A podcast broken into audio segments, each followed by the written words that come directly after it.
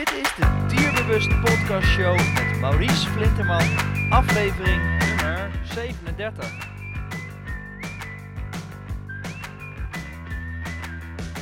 Welkom bij de Dierbewust Podcast Show, waarin je luistert naar experts die je voorzien van de beste informatie, tips en tricks op het gebied tussen mij en dierenarts Rut Boerenkamp. Waarschijnlijk een gesprek waarin je niet gelijk zou verwachten waar het eh, naartoe gaat. Want het, het is natuurlijk een, of Rut is natuurlijk een dierenarts. Maar we gaan het hebben over paardencoaching. Wat kan paardencoaching nou precies voor jou, voor mij en voor iedereen eigenlijk betekenen? En wat kun je daar uithalen? Wat, uh, wat heeft het leven jou te bieden?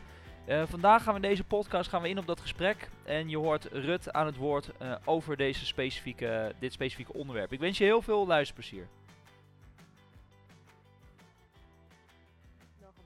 Uitkristalliseren. Ik ben net uh, aan, aan het eind van mijn afronding van het tweede jaar paardencoaching. En eigenlijk, als ik terugkijk als dierenarts, uh, ben je eigenlijk wel continu aan het coachen in het groot of in het klein. Uh, met het huisdier, met de eigenaar, om zo goed mogelijk. voor, voor alle partijen, dus voor het dier en voor de eigenaar, de, de beste uitkomst. Hè? Waar iedereen zich prettig bij voelt. Omdat, omdat ja, een steentje bij te dragen om, dat te realiseren. En het coachen met paarden geeft daarin wel een verdieping.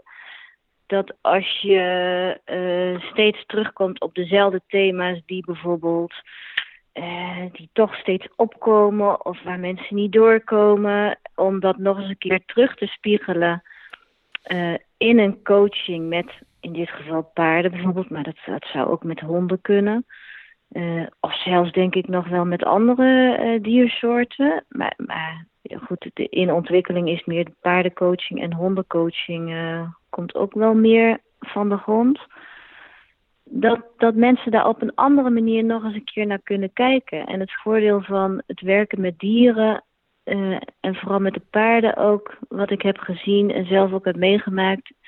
Ja, ze kunnen heel erg zuiver mee uh, in een coaching hun rol vervullen, omdat ze uh, de mensen ook teruggeven met dat wat er is. Dus mensen kunnen er ook niet meer omheen draaien, omdat ook daadwerkelijk dat.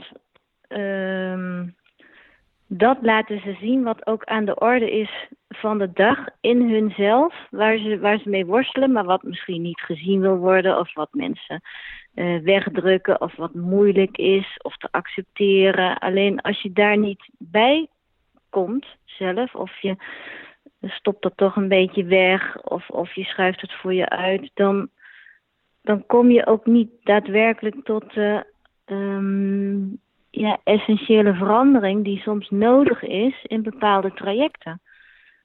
Om weer een stap verder te kunnen. Mm -hmm. En dat, dat kan in mijn professie kan dat zeker wel een bijdrage leveren, omdat ik juist in die trajecten kom waar al het nodige gedaan is. En ik soms ook in, in zo'n proces dan stap um, om het helder te krijgen waarom iets dan niet lukt.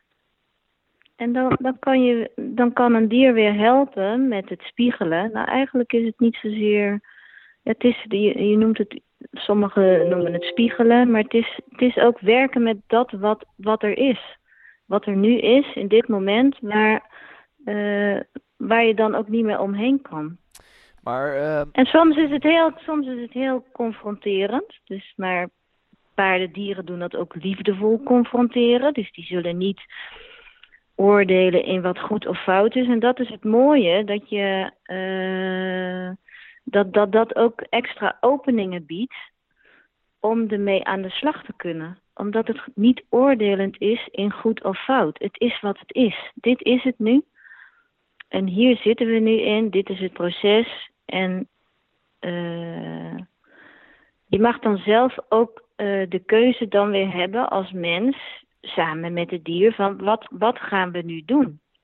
En die stap is ook weer een keuze, ook niet goed of fout. En eventueel kan je dan, zou je dan nog een keer kunnen coachen. Voelt dit nou oké voor, voor alle partijen? Ja. En als mensen bij jou in de praktijk komen, die hond die, uh, die, die, die, die heeft dus altijd zeg maar zijn spiegel als het ware.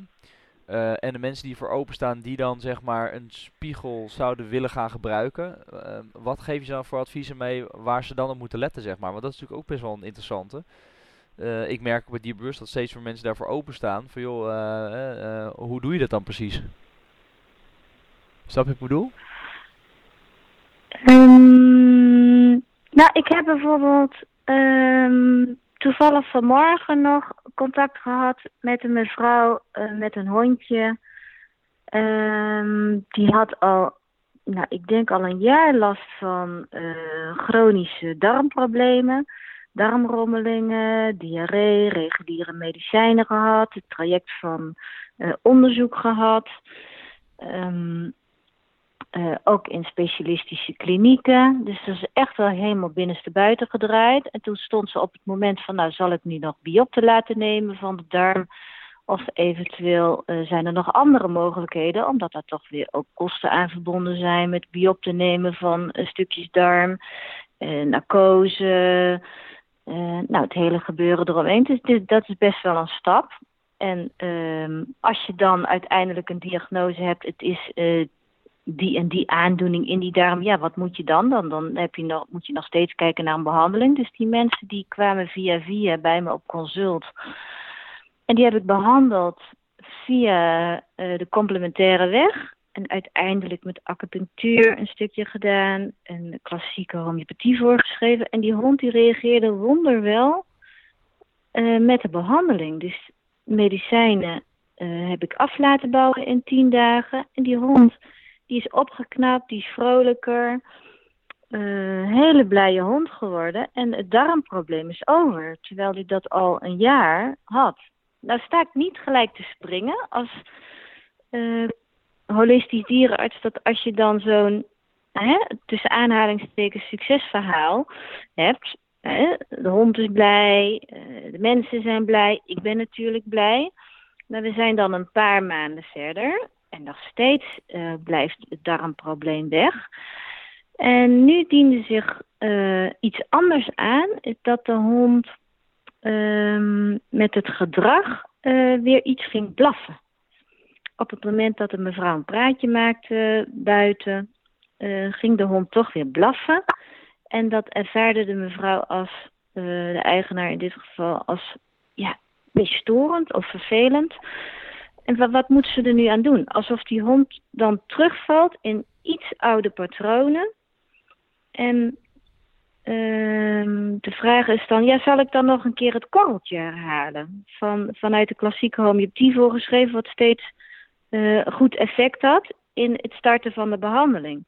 En ik heb haar teruggegeven, want dan kom ik op een punt, hey,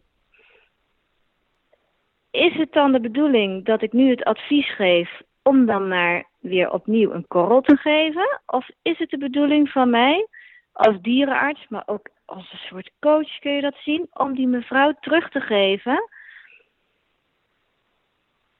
Waar komt dan de spanning vandaan of in de relatie met je hond dat de hond gaat aangeven bij het even uh, babbelen in het park, dat de hond op een gegeven moment te veel gaat blaffen? Want de hond zal best een reden hebben of aanvoelen in dat hele gebeuren daar rondomheen, waarom die dat weer gaat doen. Dus ik, ik, kan ik heb haar de keuze ook uh, uh, teruggelegd. Kijk er nog eens goed naar in het hele gebeuren. Zit daar misschien bij jezelf uh, spanning? Of in de context is er spanning? Of is het misschien niet even babbelen? Maar is, is het daar bijvoorbeeld niet duidelijk? uh, dat de hond eigenlijk graag het patroon heeft van uh, eerder bijvoorbeeld dat de wandeling sneller werd afgemaakt. En dat, dat het nu ineens onduidelijker wordt, zodat bijvoorbeeld even babbelen wordt misschien al gauw wat langer babbelen met iemand in het park. En dat de hond daar gewoon on, on, onduidelijkheid ervaart of, en onrust en daardoor een soort van mechanisme gebruikt om dat dan weer, ja, ik, afreageren is misschien uh, een, een, verkeerd woord. Maar snap je een beetje wat ik bedoel, Maurice? Ja. Dus, dus de. Maar, ja, uh, dan heb ik in dit geval bewust de keuze teruggegeven uh, aan deze eigenaresse, kijk er nog eens goed naar en wacht eens even één of twee weken nu met niet opnieuw weer een medicijn of een korrel of iets te geven voor dat gedrag. Maar kijk eens even goed naar de context en bij jezelf naar binnen. Waar zit ergens spanning wat die hond opvangt of aangeeft door iets terug te vallen in het gedrag? En dan wacht ik. Dus de oplossing hoeft niet nu, maar dat mensen daar ook zich bewuster van worden dat het, dat het meerdere dingen kunnen zijn in de hele uh, context waarin de hond zich ook begeeft. Waarom uh, gedrag bijvoorbeeld opnieuw ontstaat of dat, of, of dat deze hond bijvoorbeeld terugvalt in iets blafferig worden. Ja, en dan geven ze eigenlijk mee van, joh, dit zou het kunnen zijn. Hier zou je eens op kunnen letten. En dan is natuurlijk de vraag van, joh, wie doet daar iets mee? Want de een zal dat misschien uh, ja, snel uh, aan de kant schuiven. En de ander die is misschien te veel in zijn hoofd nog bezig. Die zal dat op dat moment misschien niet helemaal op dat moment ervaren. Dus je moet dan ook wel precies de goede trigger hebben. Dat mensen uh, er echt mee aan de slag gaan. En ook echt ook terugkomen met, oh wacht, hè, ervoor open willen staan om ja. dat traject te bewandelen. En dat is natuurlijk best wel... Ja uh, zeker. En dat is moeilijk, want je hebt elke keer ook een andere eigenaar uh, voor je. Uh, de ene zal inderdaad misschien nog te veel in het hoofd zitten, of als ik het probeer uit te leggen, het nog niet kunnen of, of willen horen, of te veel nog met andere dingen bezig zijn. Dus het is. En dat is ook weer niet. Er is ook geen goed of fout, maar het is een manier. Is toch elke keer weer een afweging maken en proberen. Um, kennelijk vindt de hond ergens iets niet helemaal oké, of het is, is niet veilig genoeg, of niet duidelijk genoeg, of, en, en reageert met bepaald gedrag. Dus dan, dan ja, zal er toch gekeken moeten worden naar de hele context, maar ook bij de uh, eigenaar zelf. Um, Waar, waar kunnen we ergens um, een ingang krijgen om het voor alle partijen weer uh, ja, op, op een beter plan te, te krijgen? Het is, niet, het is niet altijd even makkelijk hoor. Dus precies zoals je het aangeeft. Ja, mensen moeten er open voor staan, maar het ook um, het, het, het ook kunnen of willen horen. Ja. ja. En het is voor mij, voor mij als, als dierenarts, maar ook ja, of je dan in een soort van uh, coachrol stapt. Um, hoe, hoe, hoe breng je iets over en uh, welke woorden gebruik je? Dus dat kan ook heel divers zijn. Um, je, je kan bijvoorbeeld het, het, het, ja, een onderwerp kun je aangeven, maar je kan het in tien verschillende bewoordingen kun je het misschien uitleggen. En voor elke eigenaar zal, zal dat ook wel weer anders zijn. Uh, om het te kunnen pakken, om het te kunnen vatten wat precies de bedoeling is. Ja. Ja, dat is niet makkelijk hoor. Nee, dat uh, snap ik zeker. Want uh, ik denk dat heel veel mensen ehm, in deze wereld nog best wel in hun hoofd zitten. Um, het, althans, laat ik het zo zeggen. Het is natuurlijk best wel. Uh, als je het vergelijkt met vroeger, is het natuurlijk best wel een stroming geweest van de hond moet doen wat ik zeg. Uh, hij is dominant, dus ik zal maar even vertellen hoe het, hoe het werkt. Nou, daar stappen we eigenlijk geleidelijk af van aan. Alleen ik merk wel, of vanaf. Ik merk alleen wel dat. Ja, maar dat, is meteen, de, meteen mijn kanttekening. Dat wat, wat dat vroeger, die dingen. Um, het was van de andere kant ook heel, heel duidelijk voor een hond. Dus, en dat kom je ook tegen in de paardencoaching. Uh, dat in een kudde of in een roedel, het is niet um, slecht bijvoorbeeld dat er iemand uh, dominant is of de, rijder, of de leiderrol pakt. Of het is ook nodig dat mensen hun plek kennen in het systeem. In een kudde, maar ook in een roedel. Uh, dat er, maar dat geldt ook voor mensen. Dat er soms ook, ook gezegd moet worden waar het op staat. Ja. Dus heel, heel raar is die gedachtegang of die stroming niet om uh, ja, even heel, heel kort door de bocht of heel cru om te zeggen: uh, ik wil het gewoon zo hebben. En het dan ook duidelijk, maar misschien ook wel op een iets hardere manier, uh, ook bij, aan een hond kenbaar te maken zo willen we het gewoon hebben. Hier in huis, in deze roedel. Ja, dat, ja. dat, dat klopt. Alleen, en dat hoeft niet per se hard te zijn in harde termen van tien keer een slipketting aantrekken, ik noem maar wat. Mhm.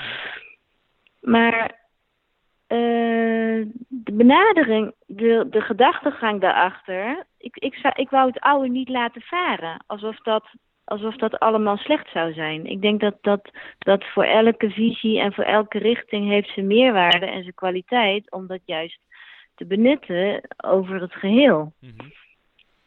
En misschien over 20, over 25 jaar uh, krijg je weer een stroming van... hé, hey, ja, er was misschien toch nog wel... zat toch nog wel een kern van waarheid in. We gaan dat toch maar weer eens uh, erbij pakken... en daar nog eens een keer een nieuw lichtje op werpen. Dus ik zou het zeker niet um, afketsen of... ja... Het helemaal weggooien. alsof het, het... Nee, nee, kind met het badwater niet weggooien. Nee.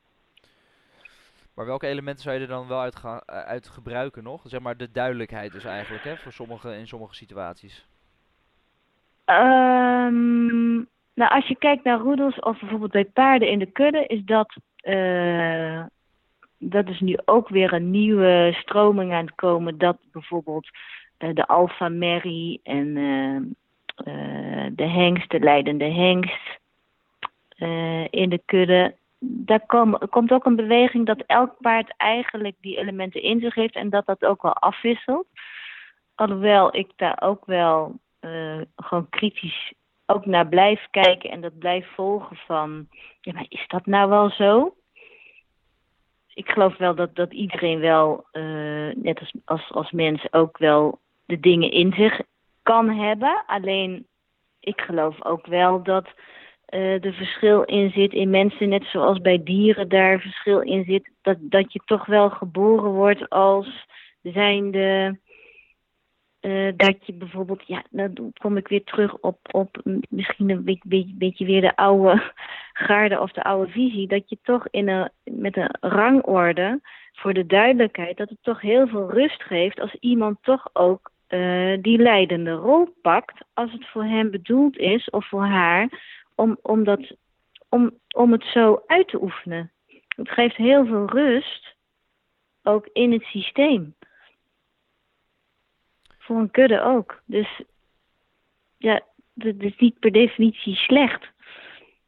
Om dan, en, eh, en ook om richting aan te geven, uh, welke kant uh, je met een kudde op moet. Want uiteindelijk heeft het toch ook te maken met instinct en overlevingsdrang als niemand het voortouw neemt, ja, dan Gebeurt ook uh, krijg je ook geen ontwikkeling. En met de evolutie, dus instinctmatig doen dieren dat volgens mij nou eenmaal zo. Uh, omdat die dichter bij de natuur zitten, die overlevingsdrang of instinctmatig zit dat er toch in. Ja. Ik denk bij mensen ook niet heel veel anders, moet ik eerlijk zeggen. Ja, misschien en wat je zegt... zeggen, wij, zeggen wij dat dat niet zo is. En dat het allemaal met samenwerking en harmonie. En, maar onderliggend zijn er toch ook wel andere drijfveren die, die daar ook een rol bij spelen.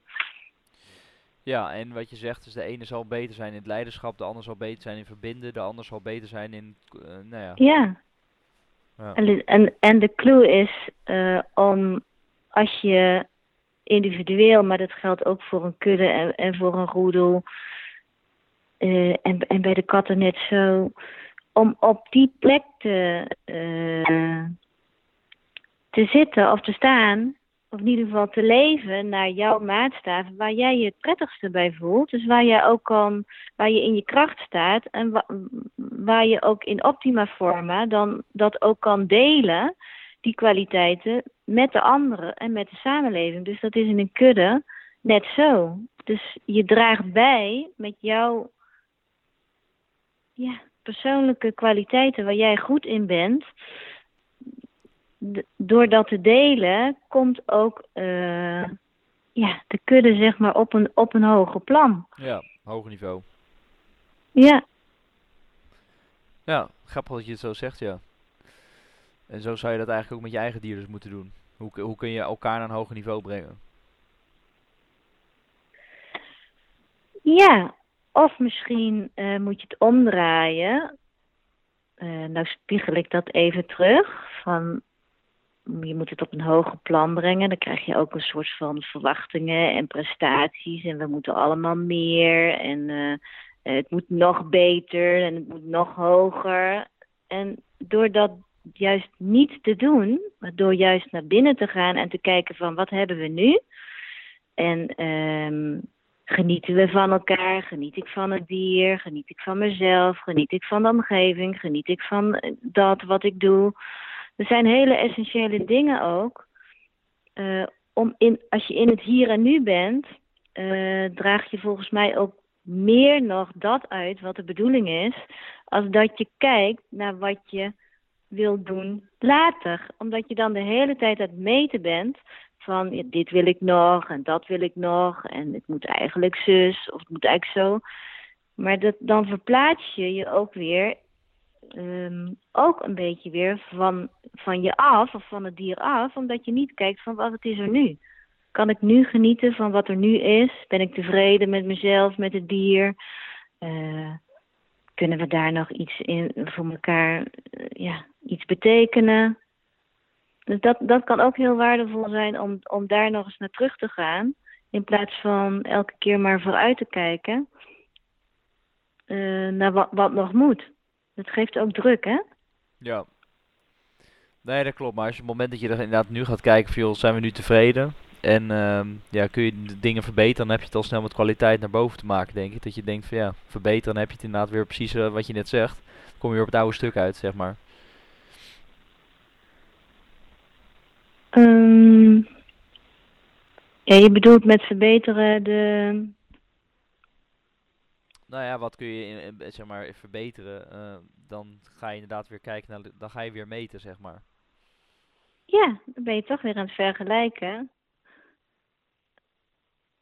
En, en ben je dan nu tevreden met, met wat er nu is? Dus welke dingen gaan nu goed, welke dingen gaan misschien minder goed, maar kun je echt gelukkig zijn met wat er nu is? Ja, mooie vraag. En de dingen die, uh, kijk eens goed naar de dingen die wel goed gaan. Of waar je juist heel erg veel plezier in hebt. En dat juist, dat juist ook uitbouwen. Dat is naar mijn idee wel ook een grote kracht in bijvoorbeeld behandelstrategieën of in processen. Um, dat zie je ook terug zeg maar, in de consultaties, mensen die bij me komen ja, wat, wat gaat niet goed? Dit gaat niet goed. Of, of ik heb bijvoorbeeld last van de, de darmrommelingen van, uh, van de hond. Of uh, uh, rijtechnisch met het paard. Dat en dat en dat lukt niet. Dat heeft ook te maken met verwachtingen weer. En wat wil ik? Maar, maar alles wat niet goed gaat, komt dan op een berg. Maar wat, dan hamer ik ook op hetgeen. Kijk eens ook eens wat, wat wel goed gaat. Of wat is nou wel leuk nog. Ja. Dat is moeilijk hoor. Om, de, om daar. Uh, het is wel moeilijk ook om daar doorheen te breken. Maar het is wel essentieel voor de, voor de verandering. En waarom is dat dan voor wat jou betreft zo moeilijk? Om daar doorheen te breken? Mm. Ja, waarom is dat zo moeilijk? Nou, ik denk toch in essentie ben je tevreden nu met wat er is. Over jezelf en met de hond of met het paard. Wat is er nu? En ik denk toch dat... Ben je eh, gelukkig zo? Ja. En... Accepteren met wat er nu is. Ja. En, en, Alles. En, en zijn mensen dan uh, tevreden met wat er is?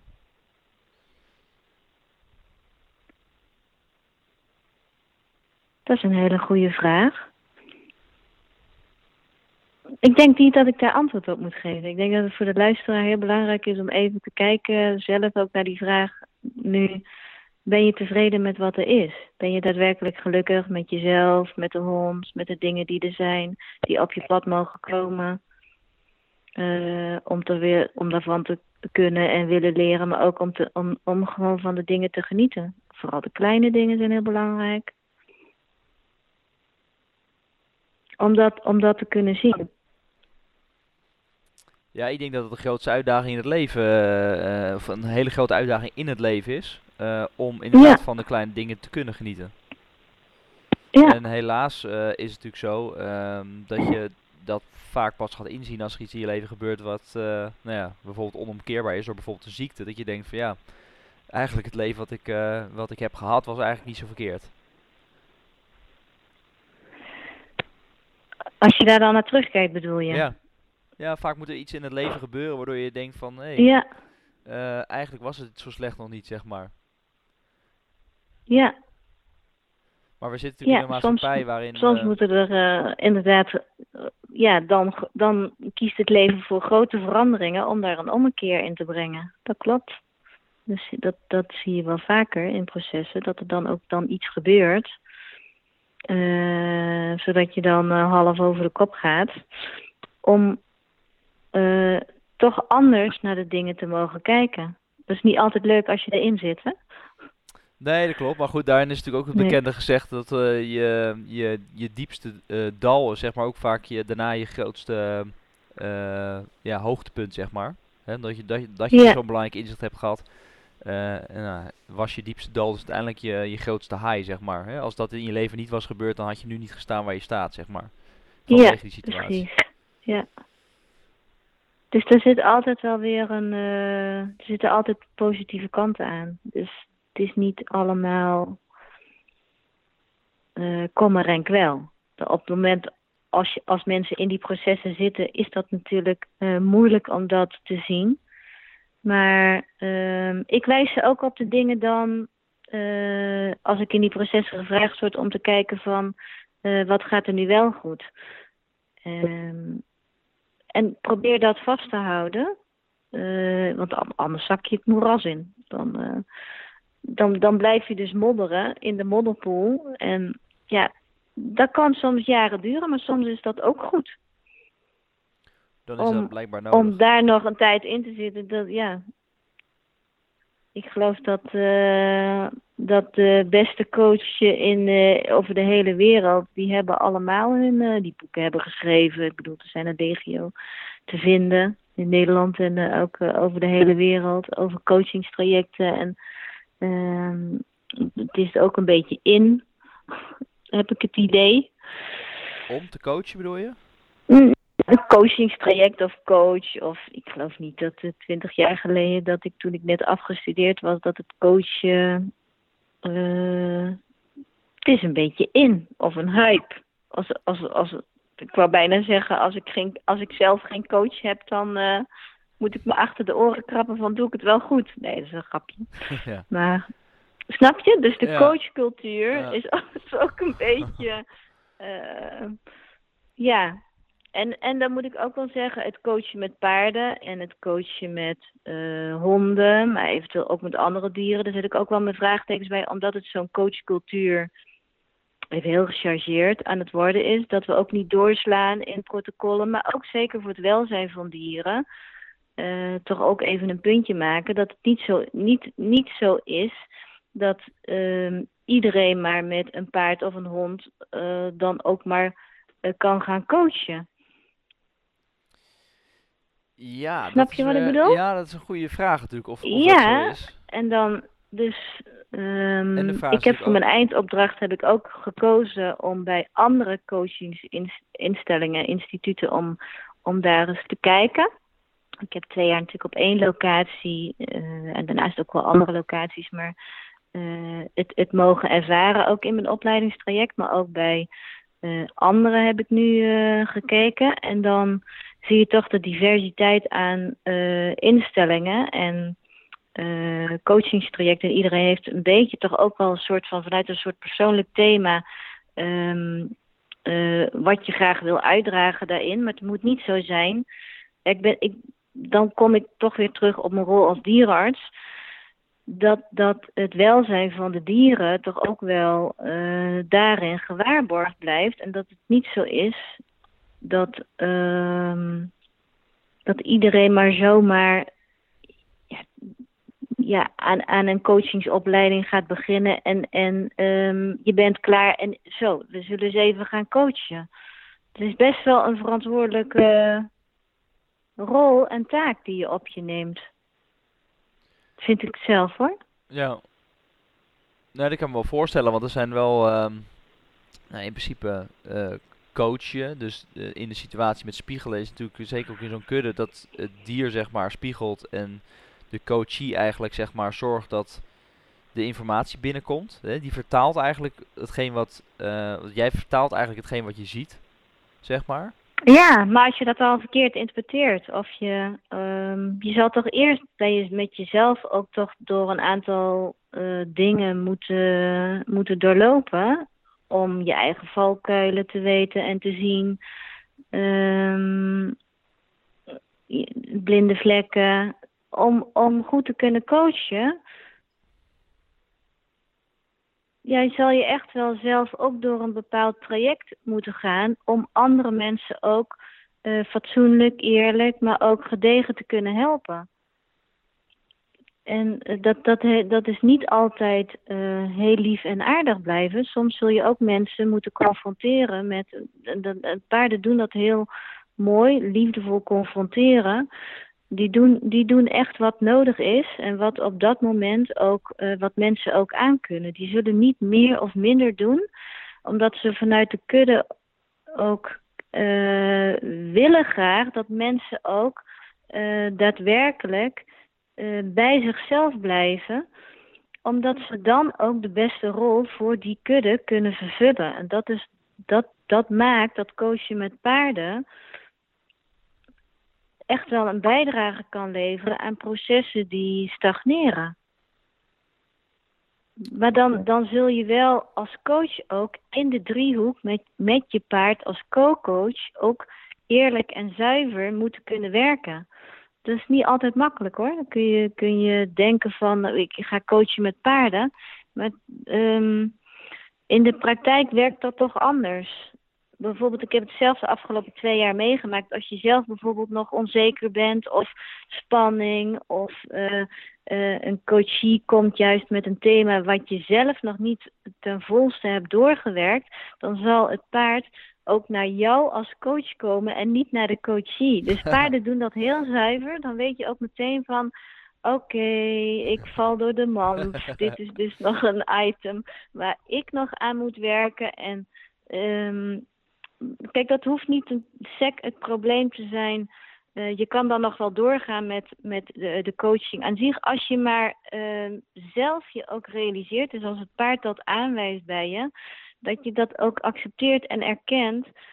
Oké, okay, ik, ik ben hier dus kennelijk nog niet klaar voor. Dit is nog iets wat, wat, ik, zelf, wat ik zelf ook nog uh, moet doorwerken. En is het ook niet iets wat je... Maar dat moet je wel moet je ook willen zien dan, hè? je kan het ook weer af, afwimpelen als coach, dat je het niet gezien hebt natuurlijk. Dan doe je je hand voor je ogen. Ik heb het niet gezien. Ja, of je bent er niet bewust van geweest. Dus um... coachen aan zich is ook een vak apart. Het is ook echt, echt uh, zoals we ook... Ik ben opgeleid, het is ook echt een ambacht. Maar het is ook leren door het doen. En je mag het ook met vallen en opstaan doen. Dus je mag ook fouten maken. Uh, paarden wijzen je dat, daar ook op. En uh, als je het niet goed genoeg gezien hebt, doen ze het de volgende keer nog een keer. Van je hebt het, ik wijs je er nog een keer op dat, hier, dat het hier ook de essentie is waar het om gaat. Dus ze helpen jou ook als coach. Het is natuurlijk als zelf als coach met je paard als co-coach de bedoeling dat je uh, de coaché, hè, dus degene die met een hulpvraag komt, ook uh, begeleidt in het proces.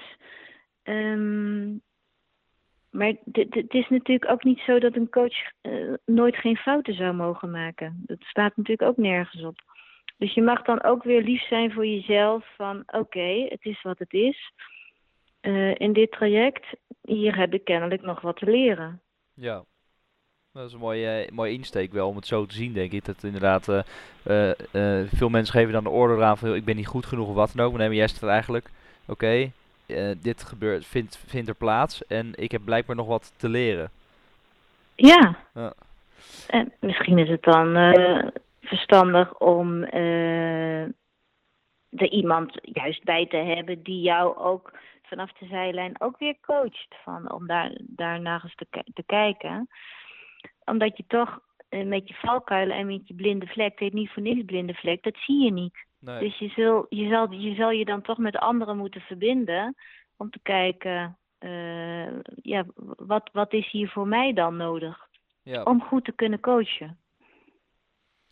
Maar is het dan zo dat een, uh, de coach zelf, uh, want je geeft het aan van ja, hè, er zijn bepaalde situaties ehm, waarin je dan zelf als coach nog niet uh, bent uitgeleerd, zeg maar. Of dat je daar op dat vlak het in ieder geval nog verder zou moeten ontwikkelen. Maar is het dan zo dat je op een gegeven moment als coach zeg maar alles hebt gehad? Of is het eigenlijk gewoon ook een levensfase? Nee, dat geloof ik niet. Nee. nee, dus ook leven lang leren. Ja. Exact. Want uh, ja, ja, er zijn toch, uh, wat je net al zei, van, ja, er zijn valkuilen waar je in terecht kan komen. En dat zal toch je hele leven ook uh, blijven, blijven spelen. Ja, maar als het steeds terugkomt en als valkuilen of thema's steeds terugkomen en um, het, het je voelt daar een belemmering in. En dat geldt ook voor eigenaren. Of met, met honden, of met paarden, of met katten, of, of met, met eh, andere bijzondere dieren. Als daar dingen in terugkomen en je voelt dat je daardoor niet op een. Dat je niet je kwaliteiten kan uitdragen zoals je dat graag zou willen. Hè? Je, dus je voelt niet van. Eh, ik, ik zit niet lekker in mijn vel, of. Um, nou goed, of je humeur uh, heeft ervan te lijden, dan, dan kan je toch nog eens kijken. Bijvoorbeeld in zo'n coaching op een hele andere manier.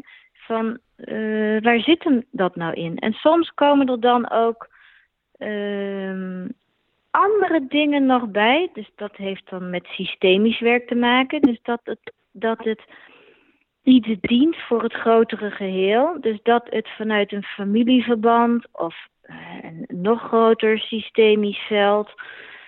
Uh, dat daar antwoorden komen waardoor, er, waardoor uh, de context beter begrepen wordt door de coachie, of in dit geval de cliënt of de eigenaar.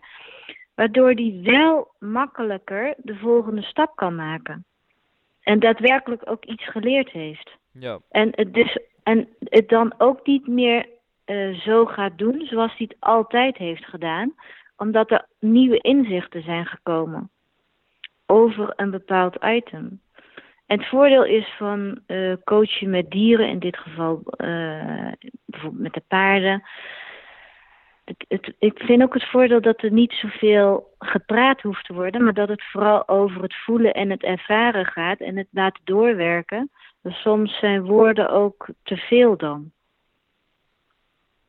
Ik noem maar eh, iets. Mensen komen in een ruimte en je voelt aan van de sfeer is hier goed of de sfeer is hier niet goed of er hangt hier iets. Ja, waarom heb je dat? Maar iedereen kent dat wel. En waarom dat is, dat is toch een soort van uh, intuïtief gevoel bij jezelf waarom je dat hebt. Of als je met mensen praat, dat je denkt van er klopt iets niet of er is iets, hè, er is iets wat, je bespeurt iets. En dat hebben die paarden hebben dat feilloos in de gaten. Waar, waar dat is, die, die, die kunnen dat je teruggeven. En, jij kan daar zelf als coachie uh, mee aan de slag, als je dat wil. Alleen de paarden wil graag dat je uh, jouw, rol, jouw rol in een kudde, in optima forma, uh, benut, omdat je dan ook een bijdrage levert aan het geheel. Dus als je die rol niet in optima forma pakt, dan gaan ze het je volgende keer nog een keer spiegelen. Of kom je toch weer hetzelfde thema tegen in je leven, waar je voortdurend op strandt. Ja.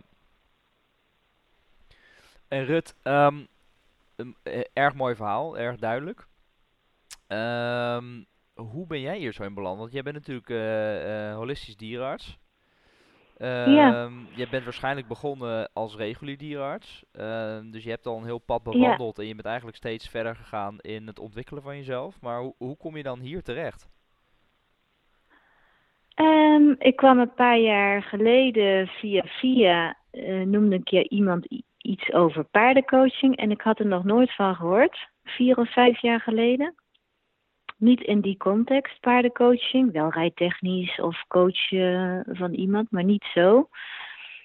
En ik wilde graag uh, wat meer, me, meer nog uh, op paarden toeleggen, maar op een andere manier.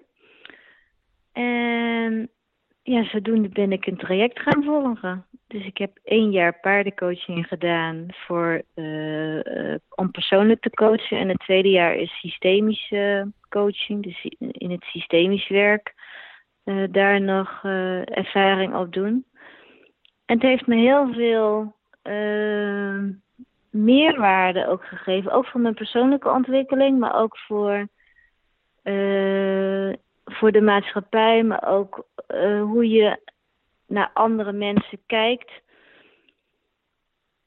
Het is heel verdiepend geweest. Dus het is, en nog steeds. Um, ook in die coachingstrajecten word je ook als, je kan bijvoorbeeld als representant kun je uh, dienend aan het geheel zijn, doordat je in coachingstrajecten ook vanaf de zijlijn uh, ook soms gevraagd kan worden om bijvoorbeeld voor iemand, voor iets of iemand in het systeem te staan.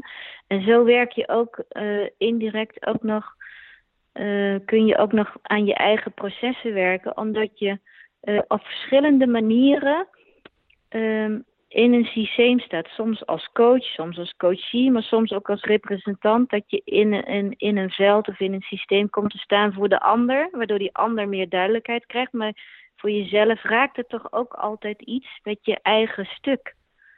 Anders, ja, uh, anders word je niet gevraagd. Ja, een beetje moeilijk uit te leggen. Maar je hebt altijd een bijdrage, hoe je het went of keert. En was dat voor jou, uh, is het voor jou vaak confronterend geweest? Want dat ja, heel confronterend. Dat is natuurlijk ja. het punt waar heel veel mensen Ook wel met tranen, ook wel met tranen, ja, heel confronterend. Want dat is en, en nog steeds wel met sommige stukken. Dan ben ik er gewoon nog niet. Dan merk ik ook echt van, uh, ja, op dat vlak lukt me, lukt me, lukt me dat nog niet. Het, zijn hele moeilijke dingen. Ja, want uh, dat is natuurlijk hetgeen waar, denk ik, de uh, ja, je moet natuurlijk in die ring durven stappen, zeg maar. Hè, om, de, om zeg maar die confrontatie ook aan te gaan. Dat is denk ik ook voor de meeste mensen de grootste uitdaging. Om, om, om dat stukje zeg maar gewoon te doen. En om, om zeg maar dat aan te gaan, die ervaring. Ja, maar het is, het is toch maar gewoon doen. Want ik kan zelf daar ook wel in blijven hangen. Met, uh, ja, kan ik het wel? Of doe ik het wel, uh, doe ik het dan wel goed genoeg? Of uh, dan krijg ik ook weer een soort van een soort kritische modus van hè? Um, ja, er is geen goed of fout. Ik, ik, ik, ik leer ook door te doen. En dat gaat bij mij ook met vallen en opstaan. En juist van je fouten, maar dat zijn eigenlijk geen fouten je leert door te doen. Dus het zijn allemaal weer ervaringen. En je mag na die ervaringen weer uh, terugkijken en een keuze maken. Oké, neem ik dit mee voor de volgende keer? Um, moet ik het dan weer hetzelfde doen of ga ik het toch anders doen? Het is vooral, wat me vooral heeft bijgebracht, is heel veel begrip. En vooral het, begrip, denk ik, voor andere mensen ook uh, te zien en dat ieder voor zich zijn eigen proces in het leven doorwerkt. Uh, met ieder hun eigen uh, vrije keuze daarin ook. En vooral hun eigen vrije keuze daarin ook is heel belangrijk. Dat als mensen ook bij me komen nu en ik leg ze dingen voor, dat de ene kiest voor die keuze en de ander kiest voor die keuze. En dat, dat, dat het allemaal oké is. Ja, dat is eigenlijk het mooiste van alles. Hè? Dat, uh, inderdaad, er is geen oordeel. Nee. Want wie ben ik om, om daarover te oordelen als, als ze zelf uh, daar een bewuste keuze in hebben gemaakt om, om het dan zo te doen. En um, als dat misschien niet helemaal op dat moment. Het, het, blijft een, een, een, keuze die je steeds maakt. En als het, als het verkeerd uitvalt, of misschien voor anderen dan verkeerd uitvalt. Voor de buitenwereld eigenlijk. Maar ieder persoon maakt natuurlijk. Ja, je maakt elke dag keuzes. En soms gaat het over grote beslissingen en kleine beslissingen. Maar ieder leert toch door te doen. Dus je, het, het kan ook niet anders. Ja, dus, ja en ik mag, ik mag dan een aantal opties voorleggen. En me dan ook, ook echt wel ja, terugtrekken. Of in ieder geval afstand nemen. En de persoon in kwestie, in dit geval met het dier, het, het zelf ook te laten doen heel belangrijk dat mensen dan het, het zelf ook ervaren en zelf ook uh, die vrijheid krijgen om daarin te mogen en te kunnen kiezen. Dan we weer terug bij bijvoorbeeld het varkentje van uh, eerder met wel of geen vlees eten of wel of niet eco of um, uh, honden bijvoorbeeld wel of niet vers vlees geven. Of, mensen maken daarin een, keuze en het, is oké. En dan mag ik weer terugkijken als dierenarts. Um, als het voor de gezondheid, als, als ik uh, constateer dat het voor de gezondheid van een huisdier, um, dat er misschien nog andere opties zijn die mensen niet weten. Ik, het is ook een soort van um, kennisoverdracht. Goh, eh, weet je misschien van dit stukje of weet je misschien van dat stukje. Of we zouden dit nog kunnen proberen. Of er is ook nog dat. En ik heb ook niet alle kennis in pacht. Dus ik, ik, ik heb ook uh, behoefte, maar het is ook noodzakelijk om met een netwerk te werken. Uh, waar, mensen ook uh, meer nog weten dan ik. Dat kan zeggen, nou, je bent bij die bij het goede adres. Of je zou misschien eens bij die kunnen aankloppen. Al is het maar om de persoon zelf met, met het dier eigenlijk geef je ze meer vrijheid. Hè? Dus je moet ze ook niet overladen met te veel keuzes, want dan, wordt het, dan gaat het ook boven de pet. Maar dat ze uh, zelf ook kunnen en mogen kiezen wat, wat ze graag zelf willen en wat bij hun past. En dat, dat kan elke keer weer een andere keuze zijn. En dat, en dat is in die coachingstrajecten. Ik heb gewoon heel veel geleerd dat ieder heeft daarin zijn eigen pad te lopen. En soms gaat dat ook van generaties terug. Dat een soort van vanuit familiesystemen of een soort van cultuur is geweest. Of uh, dingen die niet veilig zijn geweest. Of ja, waarom doe je de dingen zo zoals je, zoals je doet? En dan kom je soms ook bij onderbewuste stukken, onbewuste stukken. Die bewust laat worden van, ja, het komt eigenlijk daar en daardoor, maar past het eigenlijk bij, wel bij mij en wat, wat ik graag wil uitdragen. En wat, wat, wat ik graag wil doen. Dus hoe, hoe, hoe komen mensen zelf het beste tot hun recht? Ja, ik, ik denk toch alleen maar als je zelf gelukkig bent en als je, kan, als je blij bent en dat je de dingen kan doen waar je blij van wordt. Iedereen vindt het toch leuk, ja. dingen te doen waar je blij van wordt. Absoluut, daar, daar draait het leven natuurlijk om. En dan worden, dan worden automatisch de mensen in je omgeving ook blijer en dan worden dieren ook blijer. Dus, um, dus, dus voor, voor mij als dierenarts is het ook belangrijk om naar, niet alleen naar het dier te kijken, maar ook te kijken van, um, is de hele context happy hiermee? Snap je? Als, als het dier komt met um, lief en leed, als, als het leed wordt voorgeschoteld, dan, kan ik ook dingen teruggeven aan de eigenaar van uh, geniet je nog van de dingen op je dag? hoe komt dat zo? En soms is dan de ingang, dan komen ze met, met het huisdier of met het paard. Maar het zit er eigenlijk een stuk uh, nog bij de eigenaar, uh, waar ook nog eens een keer naar gekeken mag worden. Ja, nee, dus dan heb je het cirkeltje eigenlijk weer rond, hè? Dat je dus, nou ja, bij de, bij de hond kun je een hoop weghalen. Uh, of tenminste, de hond kan een hoop spiegelen, waardoor je in zo'n heel traject gaat ook als eigenaar. En waardoor je nou ja, uiteindelijk een stap verder komt. Ja. En soms is het ook heel basic. Dus een hond snuffelt buiten in het park en eet een vies kadaver op en krijgt uh, braken en diarree. En uh, ja, moeten we dat nou heel erg gaan spiegelen? Of Snap je wat ik bedoel te zeggen? Ja, nee, zeker. Ook, je kunt uh, je kan ook te veel coachen. Je kan ook uh, te veel in, in je hoofd daar ook gaan zitten om alles maar... Um, te analyseren. Om alles maar te gaan spiegelen. Ja. Ik denk ook niet dat de rol van, van dieren is of van een kudde ook om altijd maar te spiegelen. Volgens mij zijn ze in de natuur helemaal niet bezig met spiegelen. Denk jij wel, Maurice? Goeie vraag. Uh, zijn dieren altijd bezig met... Nee, ze zijn niet bezig met... Nee, het is, uiteindelijk is het Zijn die altijd bezig met spiegelen? Volgens mij zijn ze gewoon bezig met zichzelf en met de kudde. En, ja, ik, ik, dus ook, ook natuurlijk een stuk vermenselijking van... Um, ja,